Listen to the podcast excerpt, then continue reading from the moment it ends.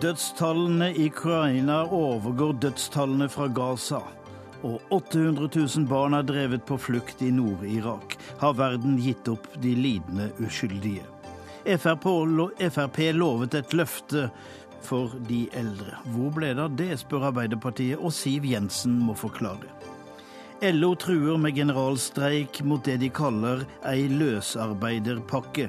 Det syns ikke Fremskrittspartiet noe om. Og Redd Barna gir barneminister Horne rødt kort for manglende barnevern.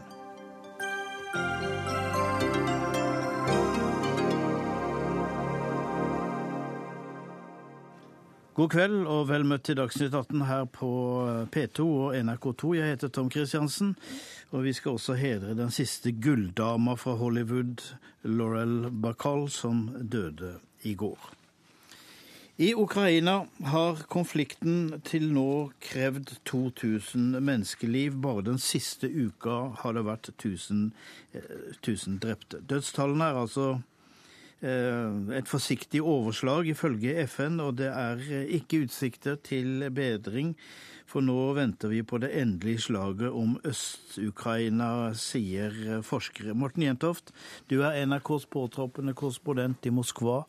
Hva er det nå som skjer i Øst-Ukraina? Ja, Det er en full krig som pågår i Europa. Kanskje ikke i hjertet, men i alle fall sentralt i Europa akkurat nå. Og som du sier, dødstallene er alarmerende. De har kommet litt i skyggen av andre konflikter. Men det betyr jo ikke at eh, krigen eller krisen i Ukraina har roet seg ned. Tvert imot. Det dør titalls eh, mennesker hver dag. I går så ble bl.a. tolv eh, såkalte frivillige fra denne høyreekstreme gruppen, høyresektoren, drept i et bakholdsangrep i Donetsk. Det foregår en krig inne, en bykrig inne i millionbyen Danetsk akkurat nå. Alle vet jo hva slags konsekvenser krig i en by har. Det går utover militære, men også, også sivile. Uh, ukrainske styrker har mer eller mindre omringet uh, Danetsk, holder på å gjøre det samme med den andre store byen uh, Luhansk. sånn at vi kan vente oss blodige kamper i Ukraina i de nærmeste ukene. Og vi ser jo da, som Røde Kors nå sier, FN sier. Det er mange som, som, blir, som, blir, drept. Det har vært vanskelig å få oversikt over dødstallene, men nå snakker man altså om 2000 drepte i løpet av de ja, tre-fire månedene som, som, denne borgerkrigen, som vi må kunne kalle det, har vart. Tor Bokvold, du er seniorforsker ved Forsvarets forskningsinstitutt. Kommer det til å bli verre? Ja, det gjør det. det det vil bli verre fram til man har tatt Donetsk by og Luhansk. Så, men hvor lang tid det tar, er vanskelig å si. Hvis opprørerne bestemmer seg for å slåss til siste mann, så kan det ta ganske lang tid. Og, og, og hvor mange mann er de? Nei, det, det, har vært anslag på 11 000-12 000, men det tror jeg kanskje er altfor mye. Så egentlig så vet vi ikke det. Men eh, hvis de bestemmer seg for å slåss eh, sånn lenge, og de ukrainske myndighetene har jo sagt da at de ikke vil bruke fly, i hvert fall i bykrig, og de vil være forsiktige med artilleri, selv om de nå har brukt en del artilleri i utkanten av Donetsk. Så har de sagt at det her kan bli en krig gate for gate. Og da kan det jo ta ganske lang tid, og det er slitsomt for sivilbefolkningen. Men, men hvordan vil du beskrive denne, denne, krigen? Er det et okkupert område som tas tilbake av ukrainske styrker, eller er det separatistene som er på vei framover? Nei, det er helt klart at separatistene har vært på vei bakover. Er altså tapt terreng nå de siste to månedene. De har vel mista ca. tre fjerdedeler av det territoriet de opprinnelig hadde. Når det gjelder hvilken type krig det er, også, så er det ikke så enkelt å finne informasjon som er nøytral om dette her. Men FNs høykommissær for menneskerettigheter har kommer jevnlig med rapporter som beskriver både krigen og lidelsene for sivilbefolkninga. Den siste kom for ei uke siden, og den, vidt, den kritiserer begge parter for måten de opptrer overfor sivilbefolkninga på. men den kritiserer på forskjellig vis. Sånn at ukrainske regjeringsstyrkene får kritikk for å være uforsiktige i bruk av artilleri og fly, og for å eh, arrestere folk uten å følge rett prosedyre. Eh, opprørerne blir kritisert òg for å bruke artilleri, for de har òg artilleri. Så det er ofte vanskelig å vite hvem som har skutt når folk dør i artilleriangrep. Eh, og så blir opprørerne òg kritisert direkte for å gå på sivilbefolkninga med drap, tortur, forsvinninger osv. Så, videre. Så Det er det som står i den rapporten, da, grovt sett. Morten Jentoft, det er en konvoi på vei fra Russland til Ukraina med nødhjelp om bord, og den ville ikke Ukraina ha. Hvorfor ikke? Nei, altså Ukraina er eh, redd for at eh, en sånn nødhjelp ukontrollert, som de sier da, inn i eh, krigsområdet. Eh, det vil kunne, være, vil kunne gi russerne et, et, brohode inne i eh, Ukraina. På hvilken måte? Ja, altså Man mener da at det vil kunne være en slags trojansk hest, som vi kjenner fra, fra mytene. Altså at kan, det kan være gjemt, ikke akkurat soldater, men ikke så langt unna, i denne konvoien her. Det, vil, det er jo en kjempekonvoi, 280 biler. Det er klart at de inn i dette konfliktområdet konfliktområdet her. Det vil også kunne, hvis det skjer noe med den kon konvoien, så vil det kunne være et påskudd for at russiske militære, som jo står like ved, vil kunne gripe inn. Man er altså redd for at denne konvoien her vil kunne på sikt også framprovosere en direkte russisk inngriping i, i konflikten. Men er dette jo, et høyt spill fra Russlands side? Dette er et høyt spill både fra russisk og ukrainsk side. For det er klart at det er behov for nødhjelp i disse områdene her. Og, og her skal eh, Russland vise sitt gode hjerte? Selvfølgelig skal de gjøre det. Og det er også et paradoks paradoks at eh, når meldingen om denne russiske nødhjelpskonvoien kom, da så var ikke ukrainske myndigheter seine med å stable på beina sin egen konvoi fra eh, Kiev, som skal av gårde også i morgen. da. Eh, hvorfor, man kan jo spørre seg hvorfor har ikke de gjort det før? Eh, sånn at her er det et spill på begge plan, der man må være kritisk til de opplysningene som kommer inn. Man bruker rett og slett altså nøden til sivilbefolkningen i det, eh, i det politiske spillet her. Og man må jo også kunne være eh, kritisk til dem som også har vært, eh, kan du si, kanskje gått hardt ut mot russernes hensikter her. Det er vel neppe tvil om at selve denne konvoien inneholder humanitær hjelp. Så er det spørsmål hvordan da denne konvoien vil fungere i det politiske spillet. Bokvold, kan det tenkes at Russland vil sende noe annet enn en eh, humanitær konvoi. Vil de gå inn? En invasjon? Jeg tror fremdeles at sjansen for det er i hvert fall mindre enn 50% eh, De hadde større ansamlinger til styrker på, på grensa til Ukraina tidligere uten å gå inn. Nå er det ukrainske forsvaret mye mer forberedt på en eventuell invasjon enn de var da. Så det vil koste mer for Russland å gå inn militært nå enn det eventuelt ville gjort i, i vår. Og så, er det, så tror jeg sanksjonene skremmer Russland fra det her. Og så er det altså rett og slett det å gå inn militært i en full eh, invasjon med alle det drepte som det vil bety på begge sider, du skal ha ganske stort politisk magemål for å, å ta ansvaret for noe sånt. Så, men man kan ikke utelukke det. Jeg trodde heller ikke at eh, Putin kom til å ta Krim. Det gjorde han glatt.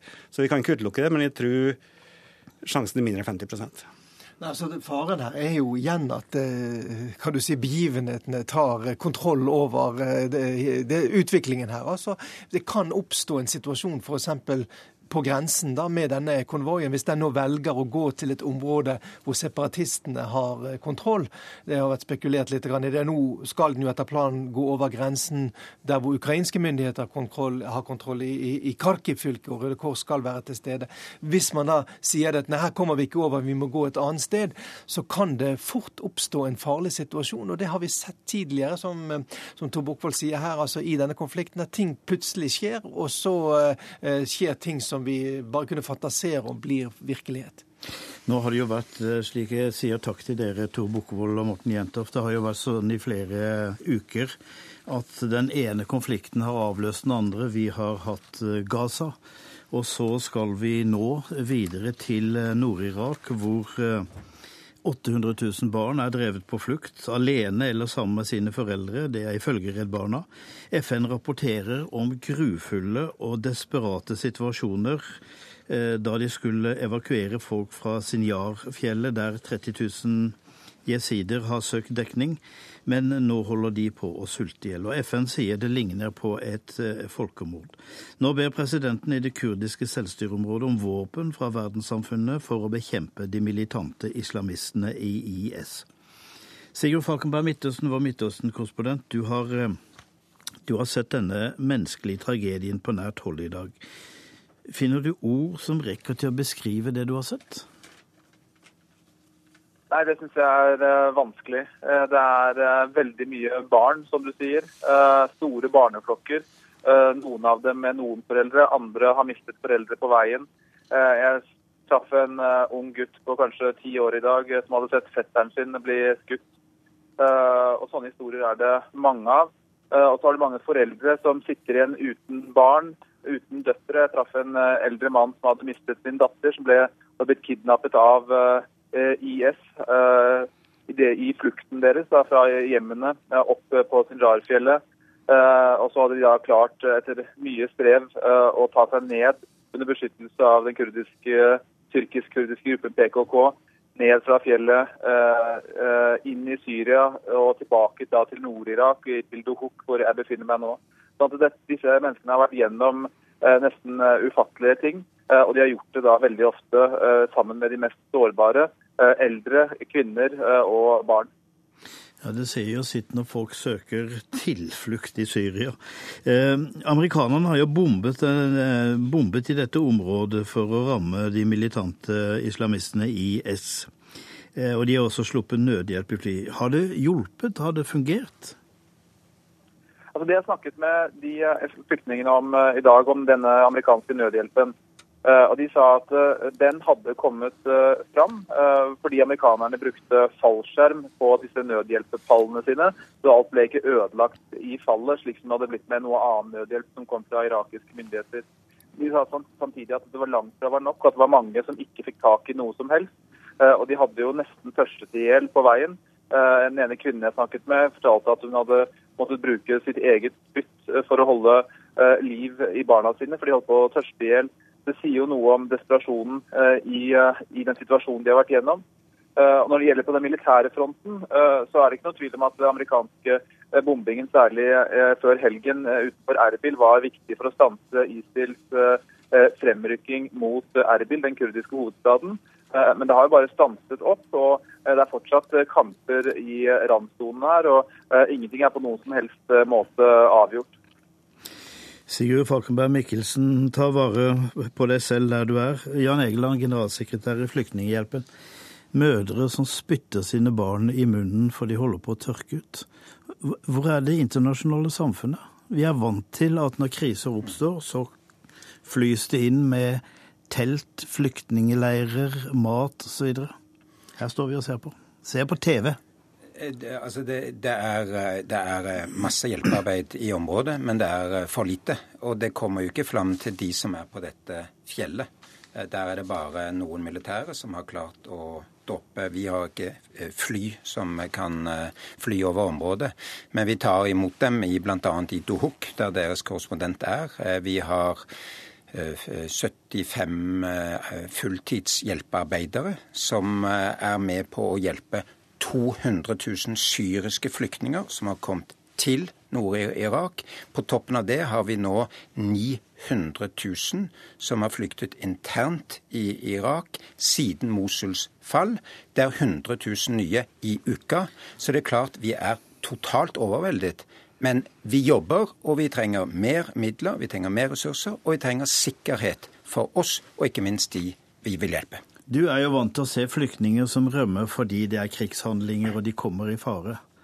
Men har du noen gang før sett så mange tusen mennesker rømme av gårde fordi de har feil tro? Fordi er vi, er vi tilbake i holocaust-tid? Ja, vi er tilbake på mange måter til eh, den etniske ønskingens tid, som er Balkan på 1990-tallet. Ja, det er det som skjer? Det er det som skjer. Altså, Denne perioden er veldig tilsvarende det som skjedde på midten av 1990-tallet. Vi må tilbake 20 år. Eh, da hadde vi en serie parallelle folkemord i, ver i verden. Så ble verden mye verre. Så har vi i løpet av de siste to-tre årene hatt en retur til de verste dagene på 1990-tallet. I tillegg er det flere steder det skjer. Altså, Da var det Balkan og det sentralafrikanske området. Nå er det Syria og Irak, det er Den sentralafrikanske republikk, det er Sør-Sudan, det er Somalia og flere andre steder. Så jeg har i mine 30 år som hjelpearbeider ikke sett en periode som denne. Og da er også budskapet til politikerne i land som kan respondere. Det er ikke nok med de normale budsjettene. Det er ikke, dette er ikke business as usual. Det må en helt annen holdning til. For nå er det, nå er det verre enn noen ting i deres levetid som politikere. I, I, de fleste journalister har heller aldri levd i en periode som dette. Hjelpearbeiderne har heller ikke gjort det. det vi, må ha, vi må respondere i forhold til krisene. Audun Lysbakken, du er leder i eh, SV. Blir du også litt lammet av det du ser på fjernsynet?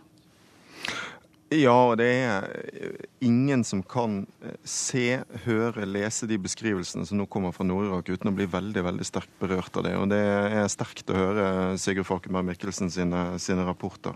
Eh, og det er klart at eh, selv om det er begrenset hva Norge kan gjøre, så mener jeg at vi som et rikt land, som en Eh, i forhold til vår størrelse viktig internasjonal eh, aktør eh, når det gjelder ikke minst bistand og humanitær hjelp, må ta det ansvaret og komme over i en helt annen fase både av oppmerksomhet og ressursbruk for å kunne avhjelpe. Senest før sommeren så ble altså nedstemt i forslaget i Stortinget forslag om å bevilge en milliard til bistand og hjelp og flyktninger til Syria.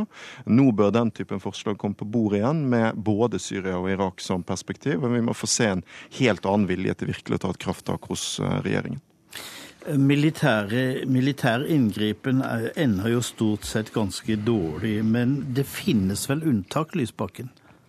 Ja, det gjør det. Eh, og vi er ikke pasifister i SV. og jeg, for å si Det sånn, det vi nå ser, er en etnisk rensing drevet fram av Eh, en gruppe som står for en eh, fundamentalistisk og sjåvinistisk eh, ideologi, og jeg ønsker ISIL alt vondt.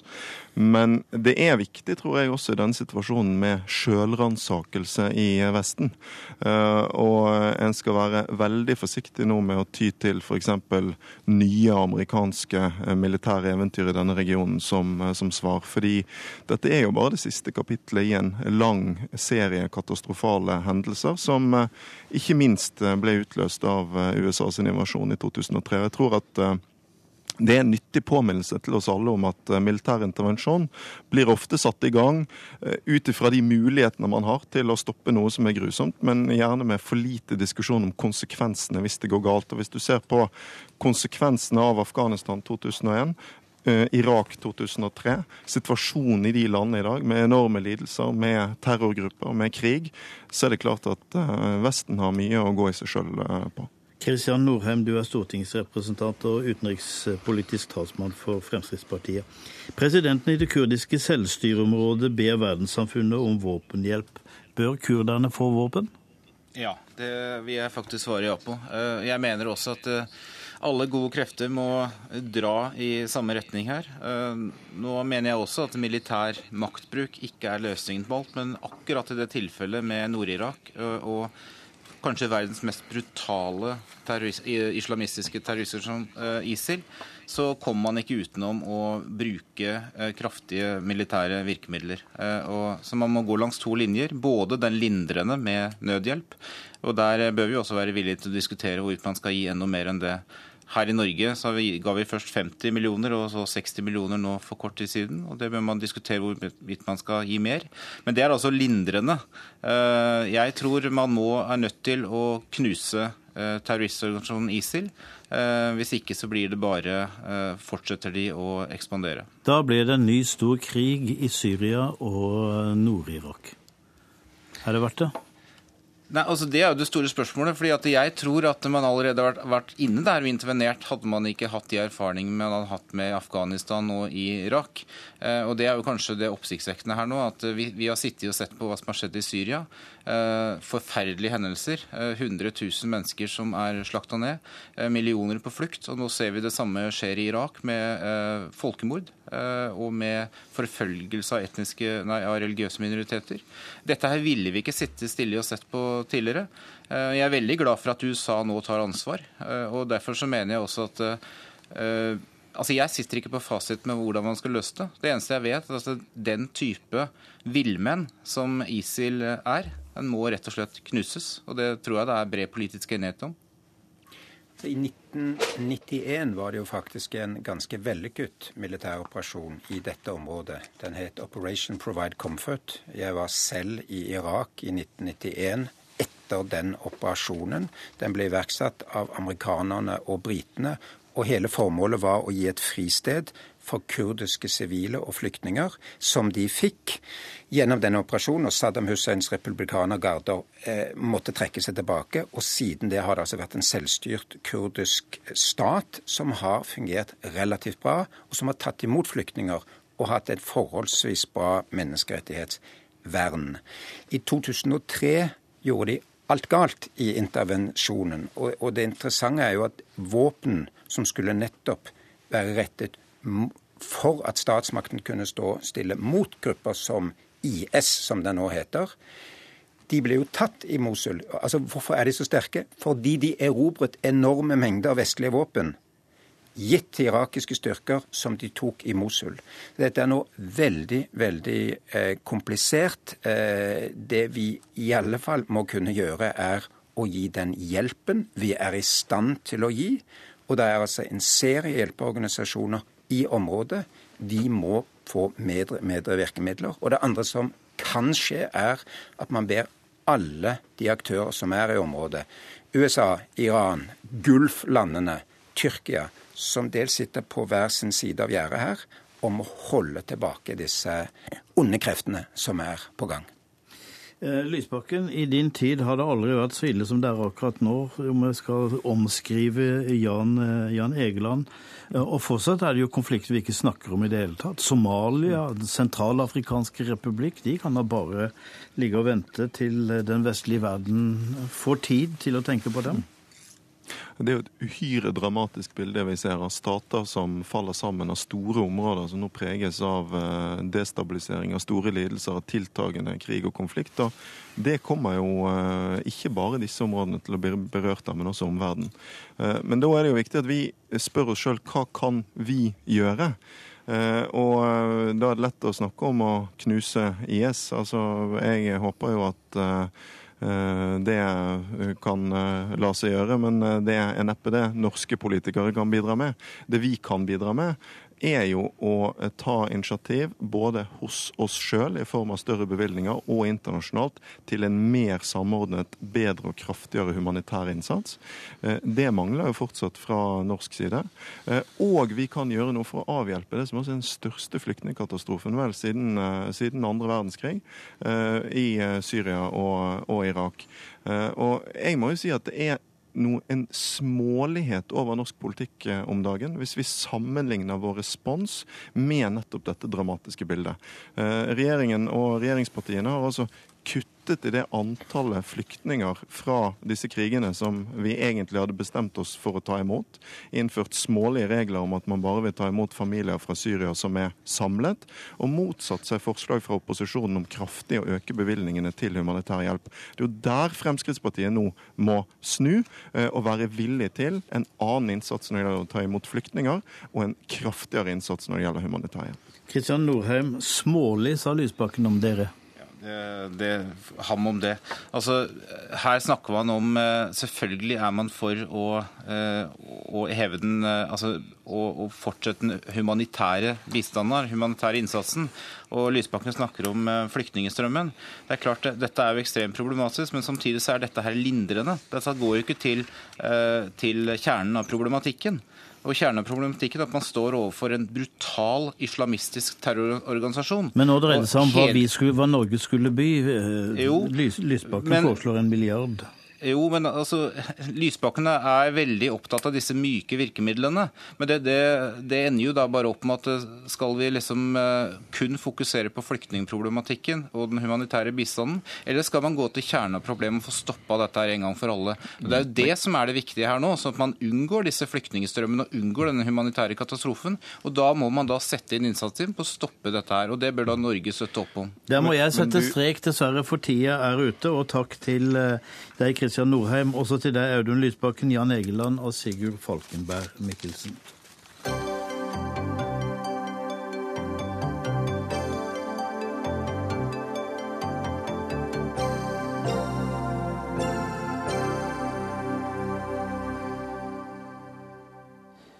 Foreldre kan avvise barnevernet når de kommer på døra, for barn har ikke lovfestet rett til barnevernstjenester. Dette leser jeg i Redd Barnas barnometer, der de hvert år måler regjeringens politikk for barn.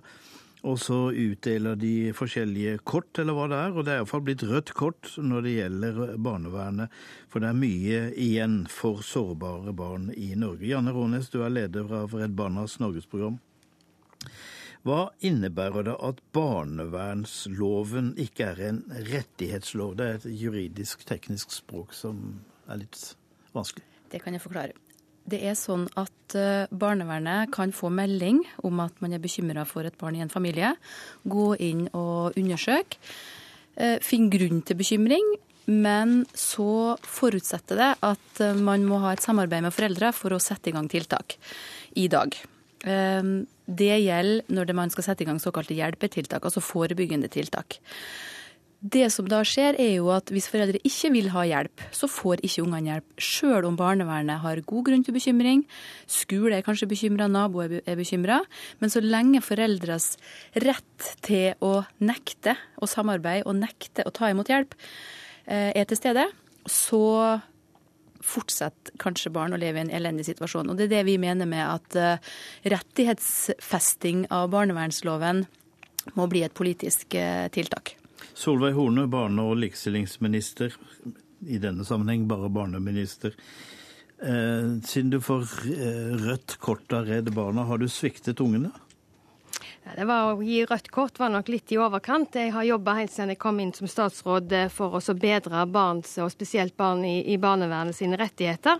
Og det har altså trådt i kraft tre nye lovendringer som styrker barnevernsbarns rettigheter og barns rettigheter i Norge bare de siste halve året. Og regjeringen har altså styrka på flere punkter. Så er det litt det som, det som Redd Barna tar opp eh, her. Er, det som er det aller viktigste, det er at det kommunale barnevernet går inn og hjelper de barna som ser at de trenger hjelp. Og Der er altså innført med et enstemmig storting bare for et eh, godt år siden et forsvarlighetskrav i barnevernsloven som sier at barnevernet har altså en plikt til å gripe inn der de ser at det er barn som, som blir utsatt for, eh, for uh, omsorgssvikt. Men det er ikke godt nok. fordi at så lenge foreldre faktisk har den muligheten til å nekte, og det her er det ikke bare Redd Barna som sier, det er da tre offentlige utvalg og en jurist som har hatt en gjennomgang av barnekonvensjonen opp mot barneloven, som konkluderer med at her er Norge i utakt juridisk sett med barnekonvensjonen. Um, problemet også med forsvarlighetsprinsippet er at man kan faktisk risikere at foreldre også nekter å ta imot hjelp uh, der, og da hjelper det ikke at man uh, plikter å gripe inn så lenge voksnes menneskerettigheter, for det her dreier seg om retten til privatliv, eh, står sterkere enn barns rett til beskyttelse.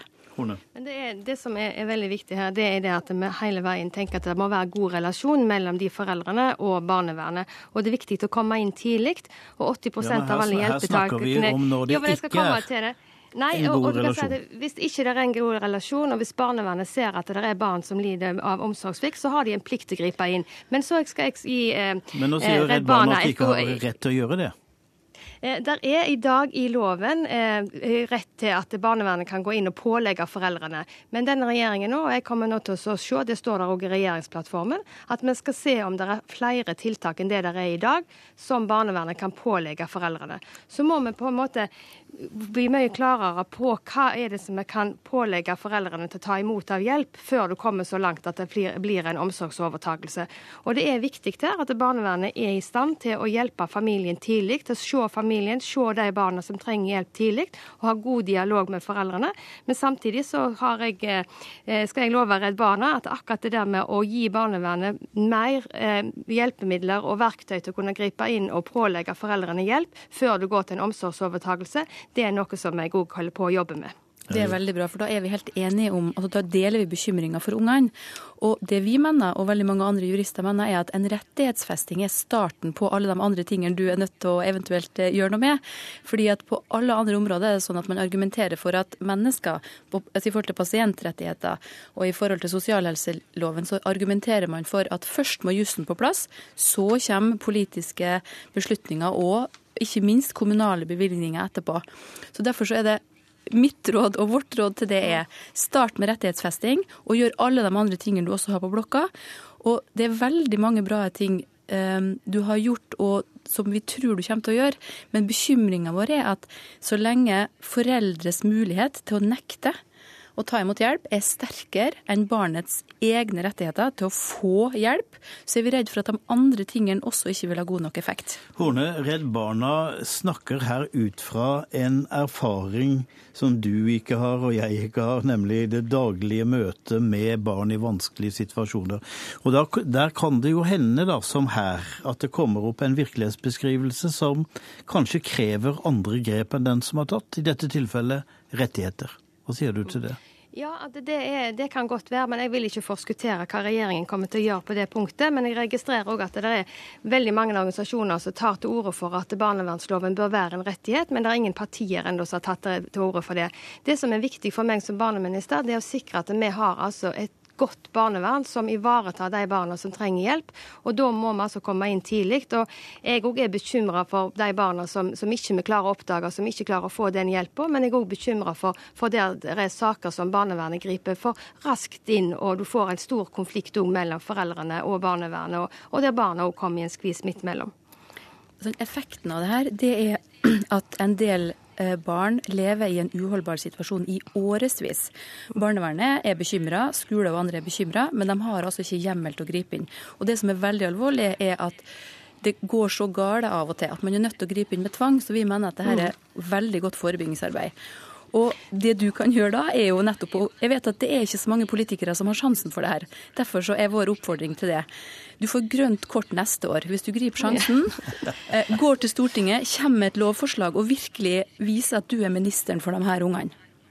Ja, jeg skal være minister for de barna som trenger hjelp. Jeg skal være minister for alle barna, men jeg tror det er også viktig at vi ser på hele utfordringen som barnevernet har, og at vi hjelper de, barne, de ansatte i barnevernstjenesten i kommunene til å kunne se de barna, og også gripe inn når de ser der er barn. Og det skal altså være et forsvarlighetskrav. Alle det kommunale barnevernet har altså et plikt til å gripe inn når de ser at det er barn som, som ikke har det bra, uavhengig om det er en rettighet eller ikke. Og jeg håper òg det at det, det, er noe som, som skal jobbes fram gjennom på det kommunale kommunale barnevernet. Da sier jeg takk til deg, Solveig Horne. Du er i vårt uh, studio et eller annet sted i landet, du sitter ikke her. Og til Janne Rånes, som leder Redd Barnas uh, norgesprogram.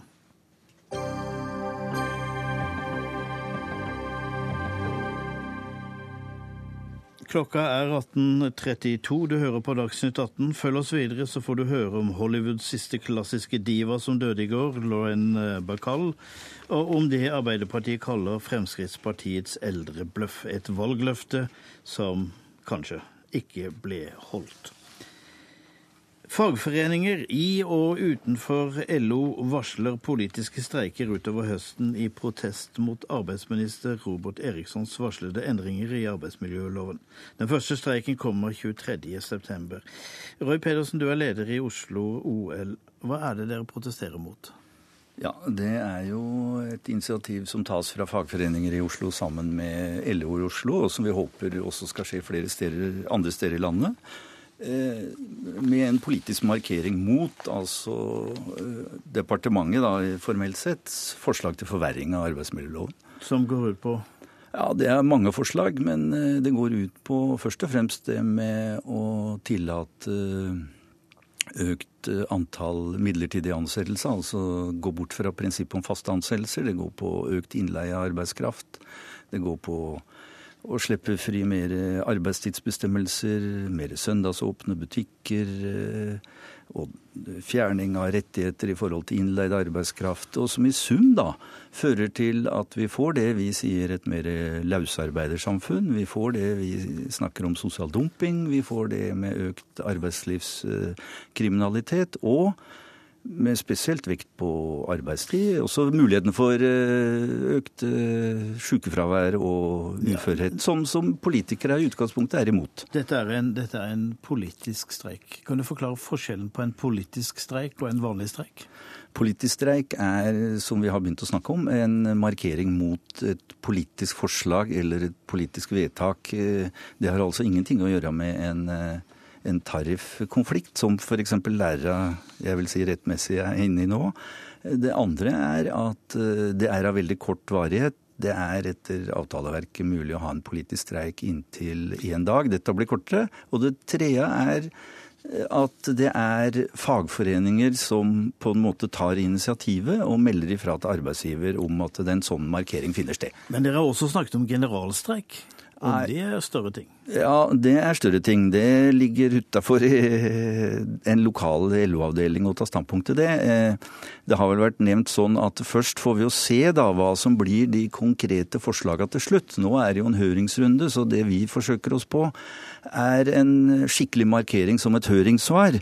Så får vi vurdere de konkrete forslagene som da eventuelt kommer. Og da er det jeg vel har sagt noe sånt som at da er det en sak å vurdere. Men det er ingenting som vi bestemmer lokalt. Det er selvfølgelig noe som forbundet og LO på Ja, og high level bestemmer. Og det er svære ting. Arbeids- og, og sosialminister Robert Eriksson hadde ikke anledning til å stille i studio i dag. Men Kristian Dahlberg Hauge fra Fremskrittspartiet er utrolig mye folk fra Fremskrittspartiet her i dag. Kanskje det er fordi de har mye å svare for. Hva vet jeg. Men du er, du er statssekretær i Arbeids- og sosialdepartementet. Hvordan reagerer du på disse planene om symbolske streiker? Nei, altså LO må jo gjøre de vurderingene de vil, men vi er nok litt overrasket over hvilken respons LO har kommet med, ikke minst i dag når vi ser at det nevnes både generalstreik og trusler om å lamme samfunnet som følge av eh, forslagene vi har sendt ut på høring om endringer i arbeidsmiljøloven. Det er moderate forslag, helt i tråd med både regjeringsplattformen og den politikken vi fikk tilslutning for ved valget. Men det mest spesielle er jo at disse forslagene har vi sendt ut i en sånn form Nettopp fordi vi ønsker en åpen runde med ulike alternativer, ulike forslag til innretning for hvordan dette skal gjennomføres. Det er nettopp fordi vi ønsker reell medvirkning fra relevante aktører som LO og andre, for hvordan og en invitasjon til hvordan disse forslagene skal kunne innrettes og utformes i sin endelige form for å fungere best mulig.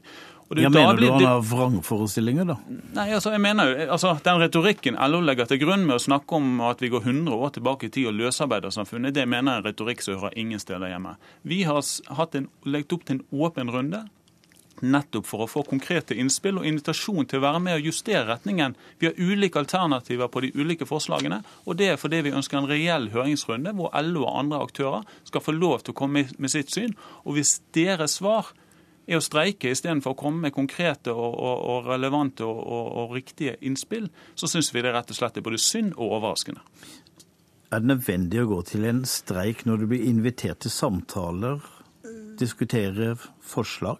Ja, absolutt. Her er det jo viktig at man har litt grann historisk hukommelse. Altså, det var jo sånn at eh, Ja, Din historiske hukommelse tilsier at det er like ille det de foreslår som det var her i landet for 100 år siden? Nei, jeg har ikke brukt det begrepet her, og ingen andre steder heller. Eh, poenget er at eh, i opptakten til stortingsvalget i 2005 så hadde vi også en borgerlig regjering som foreslo endringer i arbeidsmiljøloven. Det førte til en sterk mobilisering i fagbevegelsen og var faktisk medvirkende til at vi fikk en rød-grønn regjering. Så det er, ingen, det er ikke noe nytt i dette at fagbevegelsen engasjerer. Det skulle bare mangle. Eh, For det andre så er det vi nå gjennomfører og ønsker å mobilisere til, og gjerne flere steder enn bare i Oslo, gjerne andre større byer over hele landet, et grunnplansvar på de forverringsforslagene som her kommer fra regjeringa. Og for det tredje så er det jo sånn at vi har jo vært vitne til at nettopp økt innleie av arbeidskraft har ført til økt sosial dumping, har ført til økt arbeidslivskriminalitet. Så det kan jo da heller ikke være noe stor overraskelse fra noen at vi nå tar det skrittet og gjør denne her aksjonen, som da heller ikke skal dramatiseres mer enn at vi snakker om noen timer på én dag. 23.9. Dahlberg Hauge. Men altså LO velger sin måte å, å svare for den invitasjonen til å komme med konkrete forslag. Men vårt ønske altså med å legge opp til en åpen runde med flere alternativer, det er fordi vi ønsker å lytte.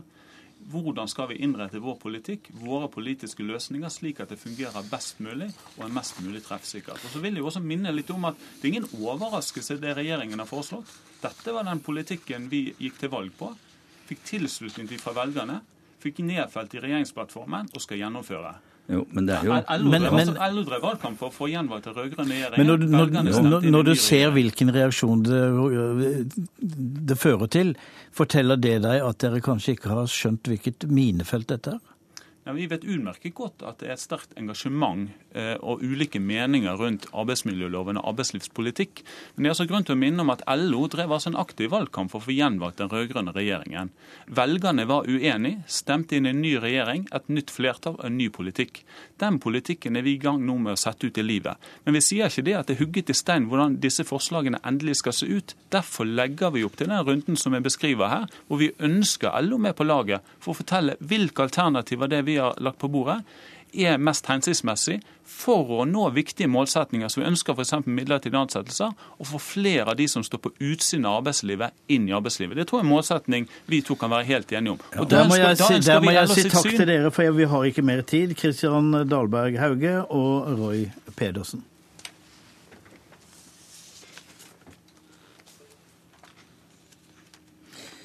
Så skal vi videre til eh, ja, det er Arendalsuka med masse politikk, og der sitter Magnus uh, Takvam, vår politiske kommentator. Du har fulgt denne debatten. Eh, hvorfor griper fagbevegelsen til politisk streik i, i, i denne saken? Ja, Som dere var inne på, så er dette med å endre arbeidsmiljøloven det er en rød klut for fagbevegelsen. Og helt Eh, konkret i denne sammenheng så er det nok eh, et initiativ fra skal vi si, venstresiden i, i LO, som, som, Roy Pedersen eh, i LO Oslo representerer, som har tatt initiativ til politiske streiker eh, i øyeblikket. Det reflekterer det skal vi si, sinnet som er ute i fagbevegelsen. Nå skal da på mandag LO-sekretariatet, ledelsen i LO, avgjøre skal vi si, hvilken form for aksjoner og markering eh, hele LO-familien vil gjennomføre. Jeg tror nok at for LO-ledelsen er det minst like viktig å få Unio og YS, hele bredden i, eh, blant arbeidstakernes organisasjoner, med på, på, markeringene for liksom å vise og slå i bordet at det er 1,6 millioner medlemmer som, som går imot disse forslagene. Men blir en politisk streik et effektivt uh, virkemiddel? Altså, det er jo eh, å få en sak på dagsorden og legge tyngde bak argumentene. Eh, vi husker kanskje vikarbyrådirektivet. Det var også en, sak der, der eh, egentlig initiativet fra venstresiden i LO eh, førte til at hele LO gikk til en politisk eh, markeringsstreik. Eh, så man endrer jo ikke en politikk gjennom politiske streiker, men det, er, det kan være en effektiv måte å få, få, en sak på dagsorden på. Samtidig så tror jeg, bare for å, for å legge til der, at den retorikken som er blitt brukt i en del sammenhenger her for å få opp denne debatten fra f.eks. Eh, Gerd Kristiansen om å skru tiden i, Norge 100 år tilbake ved disse forslagene kan virke litt eh, som om man har tatt litt mye Møllers tran. Så eh, drastiske er ikke, eh, er ikke disse Men forslagene. Men kan, kan arbeidsministeren komme til å høre på disse protestene? Vel, hvis man skal ta statssekretæren på ordet her, så sier han at det er en reell høring, og, og, og, og vi får se. Men så langt så har han ikke signalisert at eh, f.eks. dette med midlertidige ansettelser er, er noe de vil, eh, vil, eh, rikke på. Det han har sagt, er at dersom eh, en lovendring ikke fører til eh, en ønsket utvikling, altså hvis den faktisk fører til eh, et større innslag av midlertidighet i norsk arbeidsliv og, på bekostning av faste ansettelser, så har han jo sagt at de er villige til å reversere loven. Og Det er det også en del som reagerer på og sier at på en måte det er for viktig å drive og eksperimentere og drive forsøksvirksomhet eh, med lover på den måten. Men jeg tror nok at de kommer til å gjennomføre det, i hvert fall på det punktet. Magnus Takvam, NRKs politiske kommentator.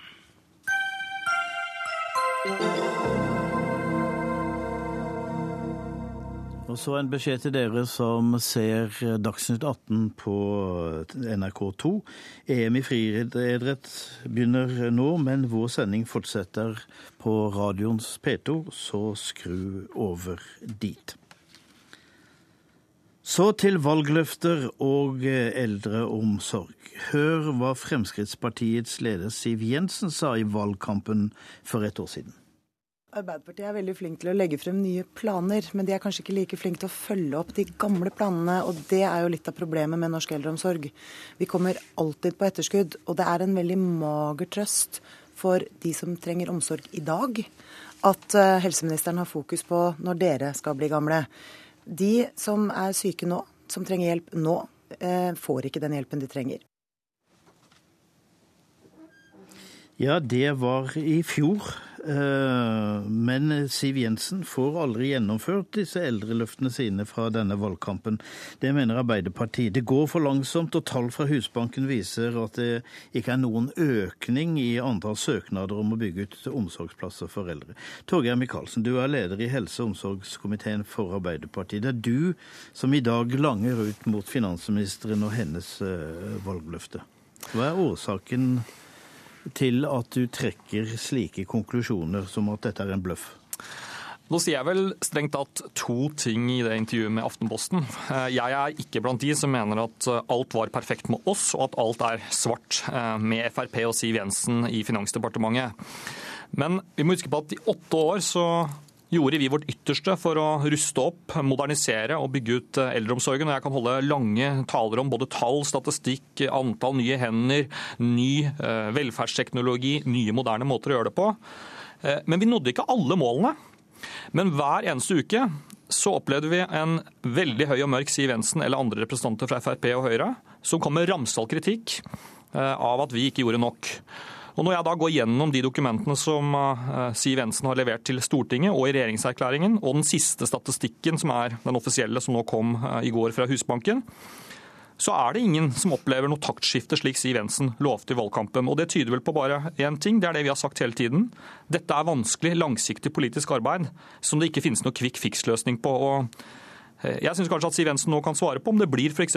folketrygdfinansiert automatisk finansiering av eh, eldreomsorgen, slik hun lovte i valgkampen.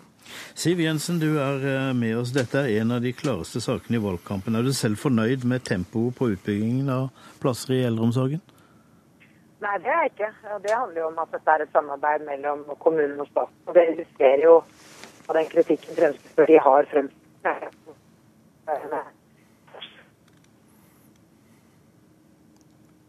Der ble Siv Jensen borte. Kan du si uh, kan, kan, du bevege deg litt, så vi får med, deg, får med oss hva du sier? Det er som jeg beveger meg. Uh, hører dere meg? Ja, til og fra. Til og fra. Ja, jeg er veldig glad for at vi har fått på plass en uh, enig finansieringsforsøk med av eldreomsorgen. Det handler jo om at vi kan kunne sammenligne dagens modell hvor det er kommunene å bygge ut nye sykehjemsplasser med en modell hvor eh, omsorgen finansieres av staten, uavhengig av hvor i landet man bor. Det er regjeringen nå i gang med. Så har eh, Fremskrittspartiet hatt et veldig annet klart løfte, nemlig at vi vil ha lovfestet rett til heldøgns pleie og omsorg. Det arbeidet er vi i gang med. Vi har allerede redusert betalingen for de som må bo på dobbeltrom mot sin vilje. Og vi har sørget for at staten tar en enda større del av regningen for å bygge sykehjemsplasser og omsorgsboliger. Så jeg mener at vi er godt i gang med å innfri de løftene vi har gitt. Men hva mener du da med kritikken fra Micaelsen? Er den helt på jordet? Altså, jeg er ikke spesielt overrasket over at uh, Arbeiderpartiet leter etter noe å kritisere regjeringen for. Uh, men vi leverer altså på et område som har vært viktig for uh, Fremskrittspartiet og Høyre gjennom mange år. Og Det handler om både å øke statens finansieringsansvar, og det er mange av kommunene som har eh, trang økonomi. Og da har vi gjort det på veldig mange måter. Vi har doblet tilskuddet i forhold til den forrige regjeringen hva gjelder bygging av sykehjemsplasser og omsorgsboliger. Vi har eh, bidratt eh, fra statens side gjennom eh, investeringsordninger. Vi har eh, statens gjennomsnittlige andel av kostnadene er økt til 50 vi har økt taket på anleggskostnader for kommunene i pressområdene. Vi har lagt forholdene bedre til rette for kommunene. Staten har økt sin andel. I tillegg til at vi nå holder på å få på plass lovfestet rett til omsorg. Torgeir Micaelsen, her kom det en hel liste av ting. Har du sett deg blind på ett punkt som regjeringen ikke har fått gjort spesielt mye med? Nei, det har jeg ikke. Og jeg ønsker velkommen mange av de forslagene som Siv Jensen her eh, nevner. Og det skulle nesten bare mangle når vi har en regjering som uten å blunke var villig til å bruke svært mye mer eh, oljepenger eh, i fjor høst når du lagde budsjett. Og da syns jeg utmerket at i hvert fall noe av det går til eldreomsorgen. Men de største penga, Siv Jensen, det brukte du på helt andre ting. Hvis du virkelig mente alvor med at dette er den viktigste saken, hvorfor kunne vi ikke da bli enige om at en del av de skattekuttene du ga f.eks. i fjor, kunne vært avlyst, og så kunne pengene gått til eldreomsorg? Problemet at du har lovt veldig mange ting på veldig mange områder, både på bompenger og på skattekutt i 100-milliardersklassen og på dette feltet. Og samla sett så er det per nå ikke noe som tyder på at det er noe samsvar mellom det du sa før valget og etterpå. Når det er sagt, så er jeg opptatt av at det ikke bare skal være noe partipolitisk strid rundt eh, denne saken.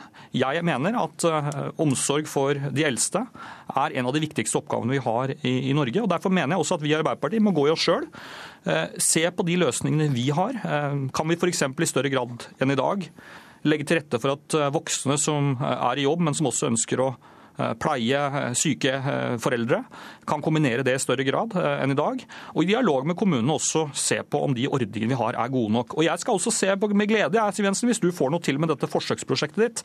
Problemet er bare at det er mikroskopisk i forhold til det du lovte før valget. Og det må du tåle å høre nå når du tross alt er i regjering hvor du målt på resultater, som f.eks. Husbanken viste i går.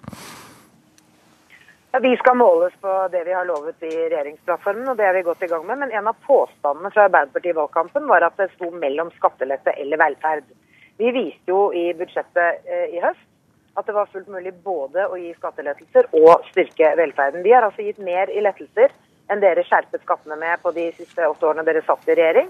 Samtidig som vi hadde tidenes løft til sykehusene. Eh, kraftig vekst i infrastrukturinvesteringene, kraftig vekst i justisbudsjettet. Eh, satsing på eldreomsorg og satsing på skole. Det er altså fullt mulig å gjøre det hvis man prioriterer de viktigste oppgavene. Mm, men foreløpig Jensen, så tyder ikke tallene på at dette virker eller biter nevneverdig. Og Poenget mitt er bare at eh, man kan lage ulike ordninger, men det står til syvende og sist på hvor mye penger har kommunene eller staten til å drive eldreomsorg med?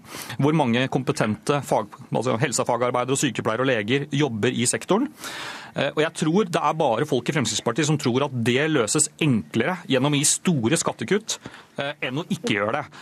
Eh, og da, Jeg skjønner bare ikke hvorfor, hvorfor, denne saken er så viktig for deg, når du likevel prioriterer slik du gjør i men, statsbudsjettet. Men dette får Siv Jensen få svare for seg på en noe bedre telefonlinje enn denne. Så velkommen tilbake en annen gang, også til deg, Torgeir Micaelsen.